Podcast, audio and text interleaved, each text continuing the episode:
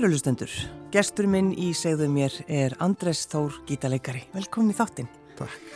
Áttu enn fyrsta gítarinn sem það augnaðist? Já, ég á hann ennþá. Hann er nú eiginlega ónótæfur en hann situr upp á hillu. Þetta er gítar sem að frendi minn gaf mér þegar ég var svona tí ára og hann, hann, frendi minn er nafni minn líka þannig að hann var mertur mér svona á hausnum á gítarnum. Þannig að Þannig að þú getur ekki losaði við hann. Nei, það er bara, þú veist, hann verður að vera hann upp á hillu. Já. Það er svona tilfinningalegt gildi. Já. En þegar þú horfir á hann, hugsaðu þá, þú veist, að þetta var góð gjöf. Ha, já, jú, já, hún hafði allavega, hafði allavega hérna, svona stýriði mér í, í, í þessa átt sem ég fór. Mm. Þannig að ég, já, þannig að þetta, ég held að þetta hafi verið, verið mjög svona afdrifari gjöf. Já. Þannig, á jákvæðan átt. Hann við vita hvað, hvað hann var að gera. En að því þú fer ekki að læra fyrir 12 ára Já, og þá þurftur fyrst að, sko, þá blokkflautan, ef ekki aðeins tala um blokkflautan. Há aldraður að byrja að læra blokkflautu. Já, það var svona, ég þurfti að taka þenn, þetta sem var forskóli þá. Þetta var, það var endur ekki kannski jafn langt og það er í dag. Nei. Mér minnir þetta hafi verið einhvers konar meira svona eins og hérna eins og svona eftir áramót fram á, fram á vor Já. og þá var ég elstur í bekknum eins og bókin. Já. og hvernig fannst þér það? Fannst þér þetta erfið? Nei, ég svona hafði stuðning frá, frá að vera með litla bróðu minn hérna sko, þannig að ég hafði svona eitthvað hlutverk passa upp á hann, tala fyrir hann, ég gerði það svolítið þegar við vorum yngri. Að- Varst enn að tala fyrir hann kannski? nei, ég gerði það ekki, ég hef búin að venja með því. En fannstu þarna, þú veist, þú þurftur að fara í þetta þannig að þú hefur eitthvað, þú veist, vilja þú hefur vilja að fara í gítarnám Já, já, sumir hefðu kannski bara bakkað út ef þau þurftu að fara fyrst og læra blokkflutu Já, ég er samt líka svolítið þannig að ég, ég byrja á einhverju og svona, ég leifi, mér finnst allt í lagi þó að hlutinir svona leiði mér í einhverja átt, þannig að ég svona kannski hjælt áfram fyrir forvitnisakir. Mér fannst þetta ekkit endilega auðvelt að spila á blokkflutuna, en svo komst ég að í sagt, gítarnám og það var svona meira, höfðaði meira til mín. Ég var alltaf að reyna að komast á þann stað að fá að spila eitthvað sem að mér fannst cool. Já, já. Þá einmitt getum við farið beint og stökkuðu nokkur ár fyrir maður sem Já. hljónstina 60s Já, Þá ertu 19 ára, er það ekki, þegar þú byrjar í þessari hljónsett byrja í ball, balljósitt. Já, Vítu, þetta var, sko, hún var alveg feikilega vinsæl. Já, hún, hún var það. Við, sem sagt, fyrst byrjuðum við bara svona að spila bítlalög og, og þess aftar við vorum svona meira bara svona bítlakáfurband og vorum meira, í þessum jökkum sem eru svona kragalausu og í rullukragabólum, svona eins og, eins og uh, örli hérna, bítlarnir. Hérna, já, svona fyrstu, fyrstu bítla, fyrsta bítlalúkið og hérna og, síðan hérna og vorum bara svona að spila á einhverjum stöðum út um all land og svo svona það hafi verið í rauninni vorið eftir að ég byrja ég byrjaði svona einhvern tíman í, í november og svo vorið eftir þá fór Rafn Jónsson að hafa samband við okkur og vildi gera plötu með svona íslenskum að svona, svona 60s lögum. Já, þú tala um, þú tala um rappa Já, Rafn Jónsson heitinn og, og, þannig að hann hefur hlustað á ykkur einhvers þar og, og, fengið þessa hugmynd. Já, ég, senn, já, sennilega. Ég, ég vissi í rauninni aldrei hvernig kom til að hann bara vissi af okkur, sko. Þannig að, þetta varði og hann kallaði okkur inn í stúdíóðu sem hann var að rekka og, og, og sagt, tók okkur upp og, og gaf okkur út. Mm. Við, við vorum sjálfur svona bara, vissum ekki alveg hvort þetta myndi ganga eða ekki, sko. Svo bara gekk þetta voða vel. Var það ekki eitthvað þannig þegar þið voru búin að gefa, gefa út plötuna þið voru eitthvað svona, já hver allir kaupi Já, kaupir einhver þessa plötu já, við, voru svona veðmál. Já, það var svona veðmál sko, það sem að við, við, við sátum og, svona, og, og, ákvaðum að hver einn mátti svona giska á hvað, hvað hann myndi seljast. Og ég var það ungar og ég vissi ekkit hvað plötur se- seldust Nei. í mörgum eintökum, ég var ekkit að pæli því. Þannig að ég giskaði á, ég man ekki hvað, hvort ég hafi sagt 5.000 eða eitthvað og þeim fannst ég alveg með eitthvað stjartfræðilega tölur Já. og svo enda hann á að seljast held í 10.000 eintökum á fyrsta árinu þannig að þetta var, það var svona eitthvað, allavega ég var næsti, ég vann veðmálið, við getum sagt það þannig. en eh, sko, af hverju allir þetta hefði orðið svona vinsælt? Ég veit ekki, ég held að þetta hafi, það var náttúrulega svona ákveðin nostalgía sem fylgdi þessu sem að uh, hefur sennilega höfða til fólks sem að var af þessari kynnslóð og svo veit ég líka svolítið að, að, að svona ungum krökkum hafðu gaman að þessu sennilega bara því að það er svona einhver leikleði og, og þetta eru oft svolítið svona hvað sem er, svona kvörki í lög mm. þetta eru svona hérna svona tekstar sem að eru hérna kannski bara pínu hnittnir og svona svolítið stuð já, já. ég held að það, það hafi öruglega haft eitthvað að segja Já og lögin öll svona frekar stutt Já. Og þið spiluðu, er það ekki rosa hratt alltaf? Ha, jú, þetta já. var svona mikil orka, já, við vorum svona orku mikið band, þetta var svona, hérna, já, örir, ör, örir drengir. Sko, þannig er þú 19 ára og, og það er bara, veist, rú, rúta og, og fara og ferðast út um, já. bara út um all land, er það ekki? Jú, ég bara... Hvað sögðu fóreldrar þínir um þetta allt saman? Þau voru svona frekar afslöpuð með þetta ég, hérna, ég hafði alltaf verið svona frekar ábyrgur sem, sem unglingur og svona uh, þú veist ef við bræðunir vorum eitthvað starf Veist, þá, þá ringdi ég og létt vita hvað er værum og svona þannig að ég, svona, ég held að það hefði treyst mér alveg, alveg nokkuð vel. Já, þú talaði fyrir bróðin, passaði hann. Já, já, svona þegar við vorum yngri hann, hann, svo, hann, svo, hann hefur alveg sperað sig já, Og svo hvað, þú varst ekki að drekka heldur þannig að Nei, já, þannig ég var ég, það hefur sennilega ítt undir hérna, hérna tröstið mm. líka mm. á þessum tíma þannig að það var bara já ég byrjaði seint að því og sem betur fyrir var ég ekkert að því í þessum bransa. Það hefði sennilega ekki, ekki gert manni gott. En hvað, hvað var, var, var þetta langur tími þar sem þið voru bara á sveitaböllum út um allan bæ? Sko við byrjuðum, þetta var ný, já, þetta var hérna svona í, í, í lokárs 94 heldur sem ég byrjaði bandinu, ég held að það verið 95 sem að hérna platan kom út og við erum vinsælir mm. og ég í rauninni ég hætti í bandinu ég held að sé vorið 90 eða við, já svona eftir árum átt 98 minni mig mm. þá var ég sem sagt nýbúin að eignast dóttu mína sem er með 25 ár í dag þá, og hérna þá langaði mér svona einhvern veginn að einbeita mér að hérna jazzhliðinni og fara að svona klára það nám sem að mér böðist hérna og reyna að komast til útlanda í háskólana. Þannig að Þannig að þú varst með alls konar drauma.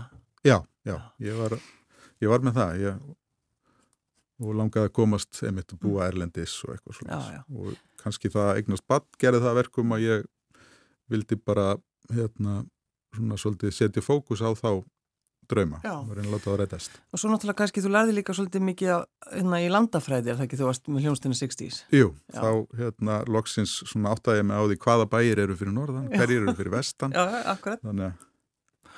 Það væri svolítið gaman sko að þið verðum búin að tala svolítið um 60's að þess að heyra eitt lag bara stutt. Þetta er Viltu dansa? Já. Þetta er tveggja mínúna lag. Já, Þetta var rosa vinsælt. Já, þetta var það. Og bara við spilum þetta margóft á böllum. Já, og var þetta þá einmynda eða eitthvað sluðis og já, allir dansuðu Já, ekki? Ég hef myndið að hugsa hvort að við já, hvort við hefum eitthvað náða lengja eða eitthvað með að endur taka viðlægið mjög oft. Heyrðu, áðurna við tölum yfir all lægið, skulum aðeins heyra það. Já. Út á gólf er allir allir dansa nema við. Góður líka með í shake. Góð og setið kyn Hvernig getur þú setið kyn Hvernig getur þú setið kyn Hvernig getur þú setið kyn Allir dans og djama dátt Dansa seika möllum átt. Kondu líka stúrkar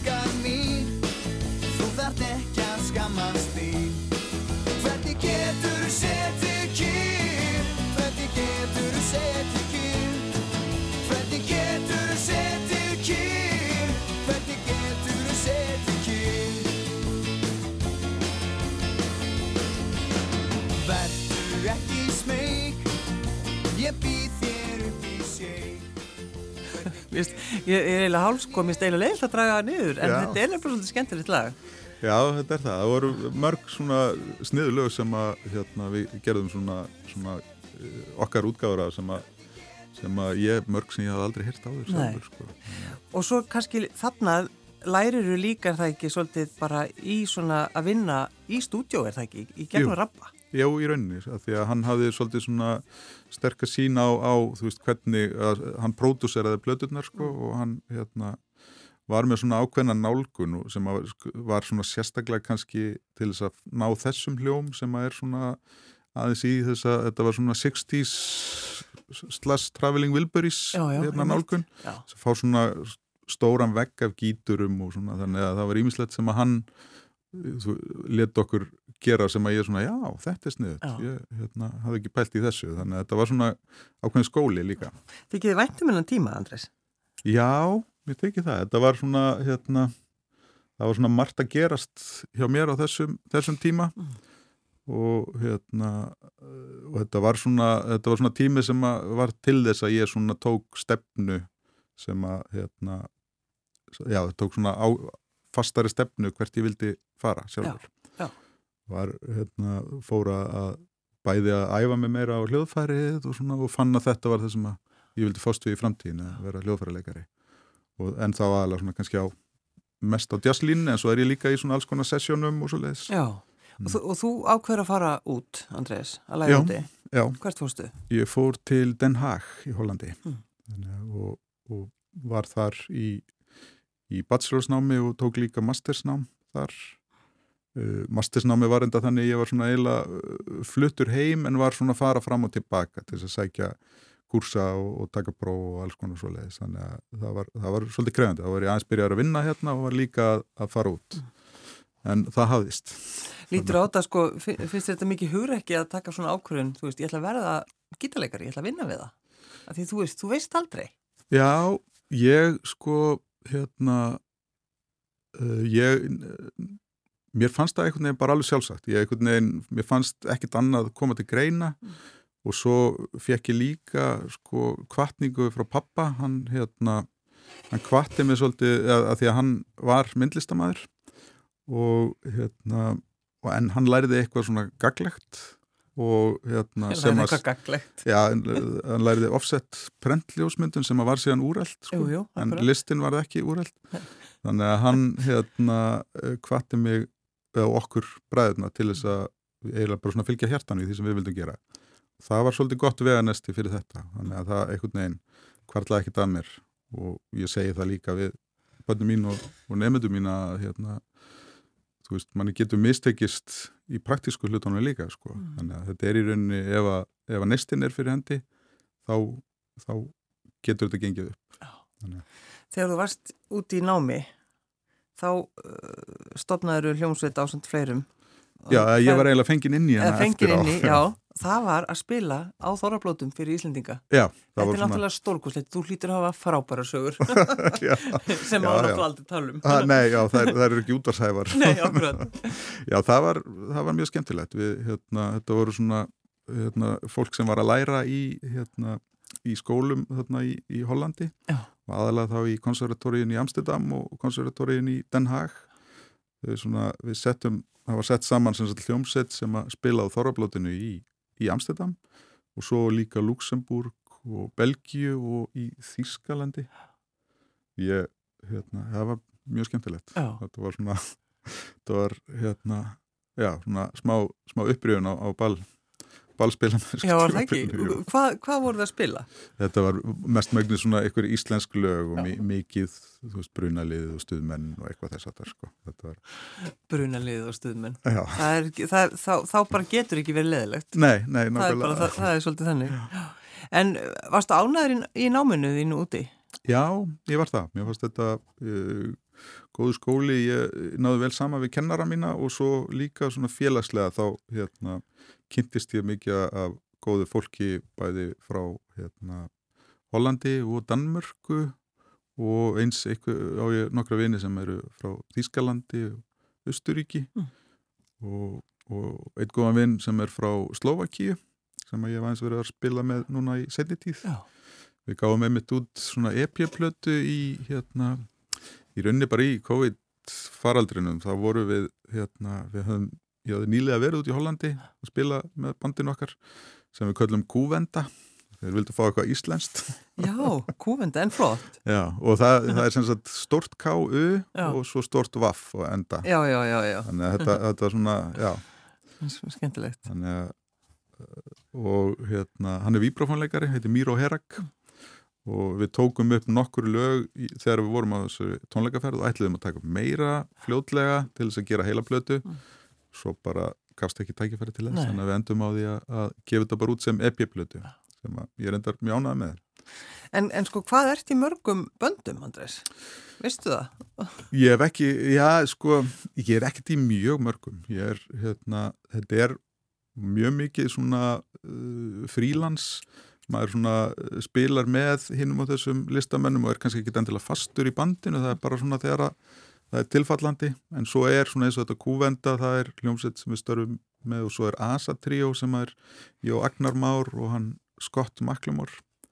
Við höfum verið hérna starfað í rauninni lengi alveg frá 2005 og höfum gefið út nokkra plötur. Og það er me meira segja einn sem að er bara eiginlega tilbúin sem við gerðum á samt Jóel Pálssoni sem að ætti að koma út núna uh, á djassatíð mm. vonandi. Þannig, þannig að það er búið að vera mikið um að vera. Já.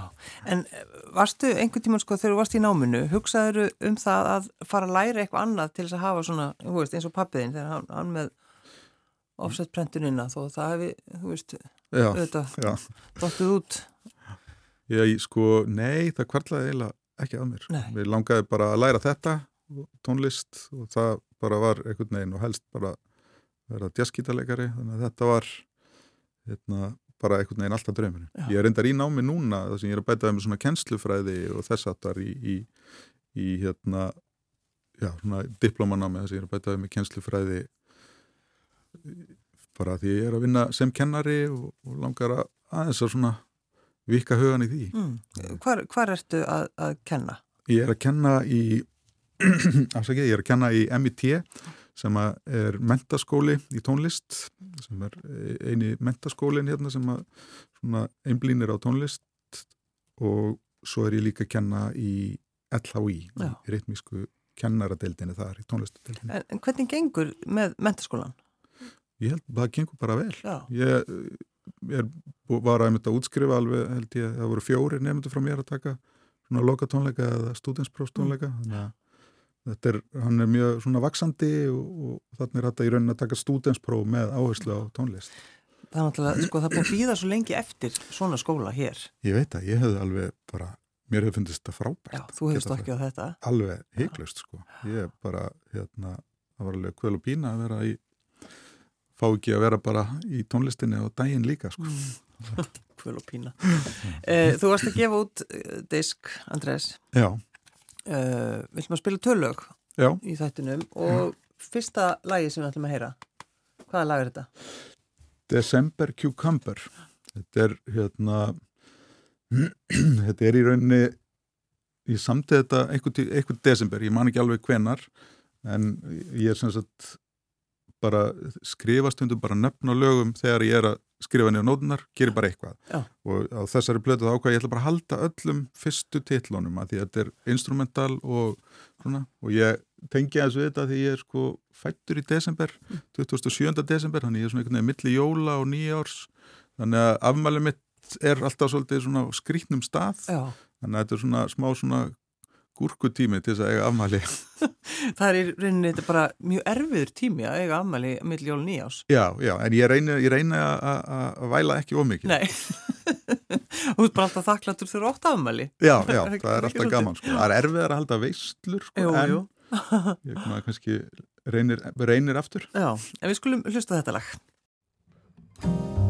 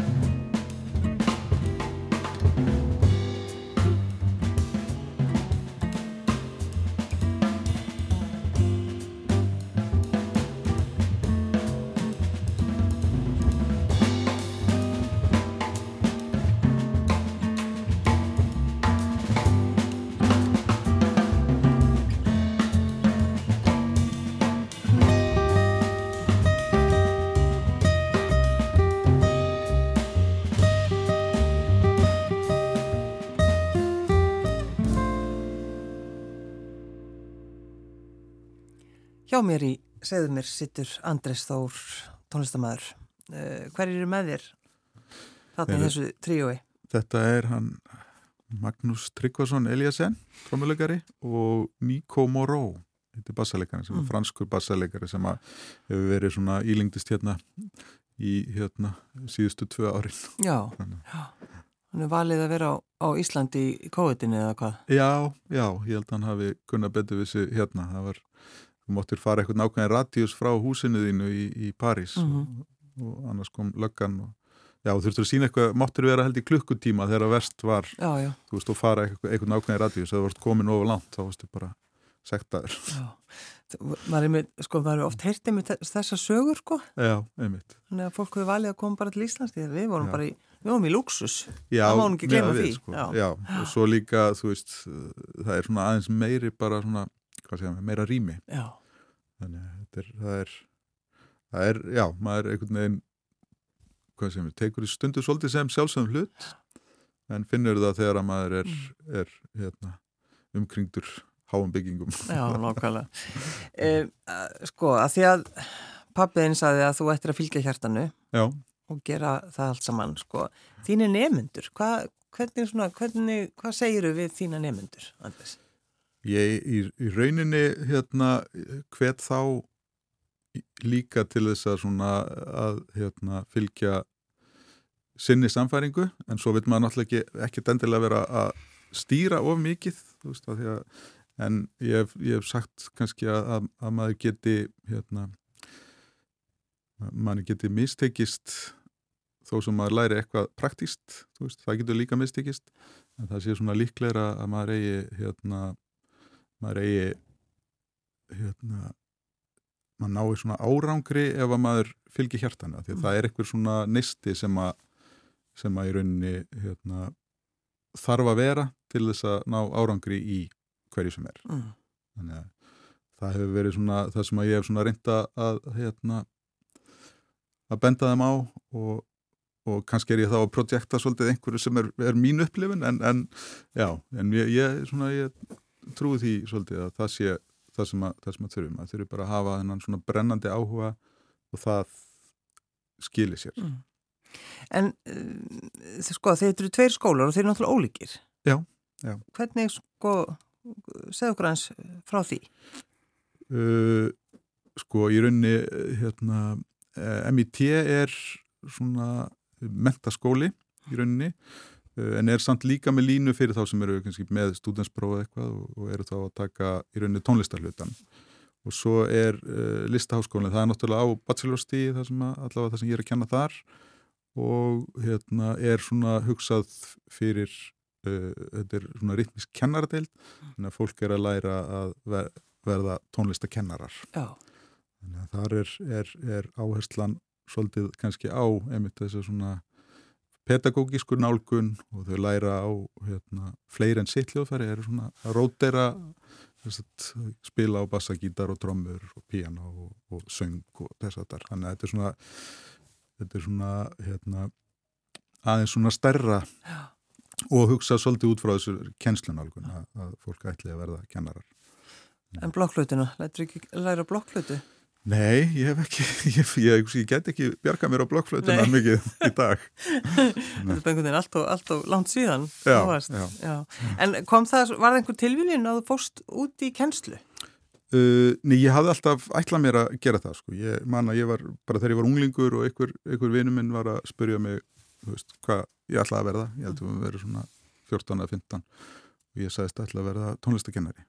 Og hann var bara, ha, veistu það bara? Já, veist, Já, að það var svona, ég var búin að ákveða að það yrði svona, hérna, vinnan, eða svona aðal, sko, og síðan ætlaði ég líka að vera að spila. Að ég var alveg búin að ákveða þetta þarna að þessum aldrei, sko. Þannig, en það, sko, þegar maður er 13 ára, þá má kannski ekki pæli að vera tónlistakennari. nei, nei, akkurat, en ég, þetta var svona bara, Veistu hvaðan það kom?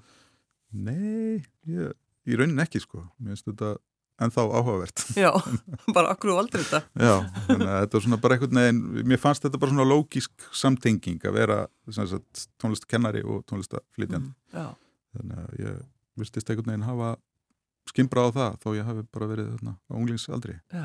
Já, það var alveg skemmtilegt. já, og svo ertu eh, eins og sagðir áðan Andris að bæta við þig já, Já. Þannig að þú hefur, finnur þá þörf að, að já þú vilt já. gera það. Já, ég vil gera það, mér finnst það skemmtilegt. Þetta er svona uh, líka þetta er svona aðeins, aðeins annars konar, þetta er svona fræðilegra og svona meiri lestur og meira svona sem snýra að, því að svona, uh, svona sálfræði hlut og kennslufræði og svona mannlegt eðli og kenningar, Já, þannig að mér finnst það skemmtilegt og, og, og þetta er líka svona uh, til þess fallið að láta mann hérna uh, taka svona svolítið afstöðu til hluta sem að maður er búin að vera að vinna með í langa tíma ég er búin að vera að kenna í 17 ár og, og er svona í- kannski svolítið að svona mynda mér sín á eitthvað sem ég hef gert svona hvað segir maður, eftir eirana já, já, einmitt. já. En ertu, sko, ertu strángur, kennari? Nei, ég er það ekki ég, svona, ég, ég, ég get alveg verið ef það, ef það þarf sko, ef það er eitthvað svona stressandi en mér finnst það ekki ég held að það sé ekkit endilega til framdráttar Nei. þetta, þetta þurfa alltaf að koma svolítið innanfrá hjá fólki. Og þú bara talar alltaf með inniröttinni og ert alltaf svona eins og síst mjög yfirvegaður. Já, ég held Já, það sko, já. ég held það ég, ég vona það, ég reyna jú, ég, já, Já, tengsa, jú, ég held það. já, það er lítur að vera. já. Hvað, sko, hvað ertu búin að gefa út marga diska? Ég held að þessi diskur sé sjöndi svona í mínu nafni en svo hefur verið duglegur í alls konar svona samstarfsverkefnum. Það er svona eh, bæði með Asa Trio og, og, og, og svo eins gerðum ég og Agnar Már Magnússon dúaplötu þar sem við spiluðum Jóns Múla lög núna á síðasta ári. Alveg rétt, já. Að það er svona, já, það, ég, það, já, ég er ekki alveg með tölu yfir, þú veist, alla í, í heild, sko, Nei, í svona hljómsutum og samstagsverkefnum, sko, en allavega ég er búin að gera sjö Já, sjálfur. Það sem að nafni þitt er frá. Já, það sem er svona mín, mín, sólóverkefni og sem ég er svona annarkvært segja um allar tónlistina eða svona útfæri. Mm. Ertu alltaf með gítarinn á bækinu? Mjög mikið Já. og tengdapappi minn heitinn, hann gerði svolítið grínaði ég var að, þegar ég og kona mín vorum að kynnast þá vorum við að fara að hittast í bíó og ég var að koma og ég var alltaf með gítarinn á bakinu mér skilst að hann hafi leiði svolítið að því bara ætlar hann aldrei að sleppa þessum gítar? En þú ætlar að halda tónleikar það ekki í kvöld? Jú. halda upp á þetta? Já, ég ætla svona að fagna þessari, þessari útgáfu Já. og hérna við verðum í, í, í Björtuloftum í Hörpu og þetta er á vegum hérna jazzklubsins Múlans. Já, þannig að það verður bara góð stemming, útsýn yfir höfnina og barinn opinn þetta er uh, svo skemmtilegu staður Já, líka er halda að, að fara á tónleika þarna. Það náttúrulega er bara frábært. það er það sko. Og þetta er enn og aftur maður svona einhvern veginn þetta er ekki sjálfsagt að að hafa að vera með tónleikastað með svona, svona bakgrunn. Nei, nei, nákvæmlega. Að með svona, svona bakgrunnsútsýni. Þannig að það er svona, þið líðið vel í dag þetta er svolítið svona góðu dagur, bæði náttúrulega dóttiðinnar Já. og svo að, að fagna Já. þessu. Já, já, já ég, það var svolítið gaman að þetta skildi lenda á þessum degi sko. Hún, Dóttir mín er reyndar, hún er úti í, í, í Danmörku núna og þannig að ég, hún, við erum ekki að fara að halda upp á þetta saman fyrir bara hún kemur næst til Íslands Mm. þannig, að- en hérna já, þannig að ég held bara tónleika í staðin já. Uh, við ætlum að spila svo lag í lokin Já. hvaða lag er þetta? Þetta er lagið Gagarín og þetta er ég, þetta er sem sagt hérna, ég var í hljómsveit þegar ég var unglingur sem var svona fyrsta hérna, í rauninu svona fyrsta hljómsveitin þar sem ég var svona að gera tilraunir og við vorum að gera tilraunir með að spila eitthvað sem var jazzlegt Mm. og vorum að semja músíkina sjálfur kunnum nú eiginlega engan jazz og langaði að spila jazz og svo hljómsveit hétt Gagarín Já, þannig að þetta er svona smá hérna, hvað segir maður, þetta er svona já, það var eitthvað við þetta lag sem að sem að fekk mig til að hugsa um þann tíma. Andrés Þór tónlistamæður og auðvitað gítarleikari Já. Takk fyrir að koma Takk sem leiðist, takk fyrir mig.